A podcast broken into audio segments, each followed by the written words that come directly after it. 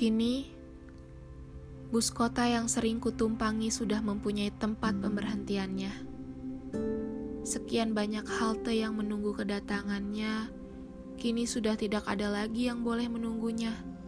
Sebab apa? Sebab bus kota itu sudah memiliki halte sendiri. Bukan lagi tempat halte yang selalu kutunggu keberadaannya. Bukan lagi tempat halte yang selalu kuikuti ke mana pun ia pergi.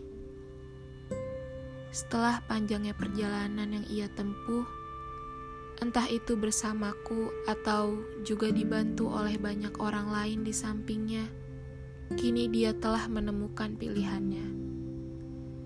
Sejujurnya, aku masih ingin menunggu di halte yang selalu kutunggu kehadiranmu tapi kini kamu sudah menemukan halte terakhirmu berhenti.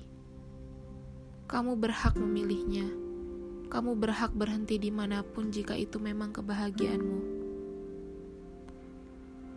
Teruntuk bus kota yang sudah mempunyai puan, aku banyak terima kasih untuk segala hal yang pernah kau lakukan. Seperti pada saat itu, kau ajak aku mengelilingi bundaran HI.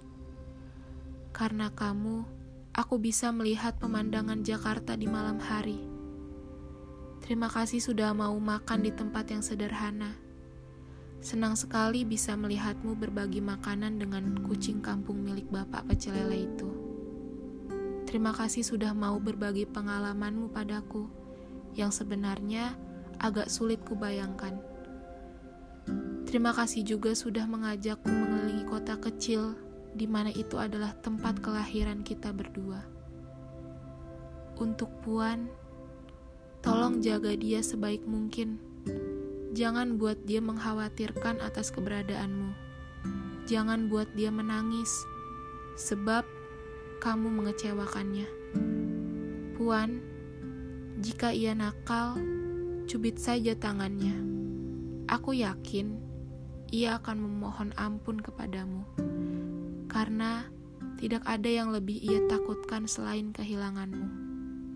Puan, jaga dia seperti kamu menjaga dirimu sendiri.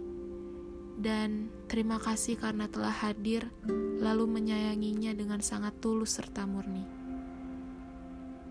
Kepergianku saat ini bukan berarti aku berhenti menyayangimu. Sebab Mengikhlaskan adalah cara terbaik menyayangimu dari jauh selain memiliki. Aku pamit. Salam peluk hangat untukmu. Jakarta, 20 November 2017. Tempat kelahiran kita.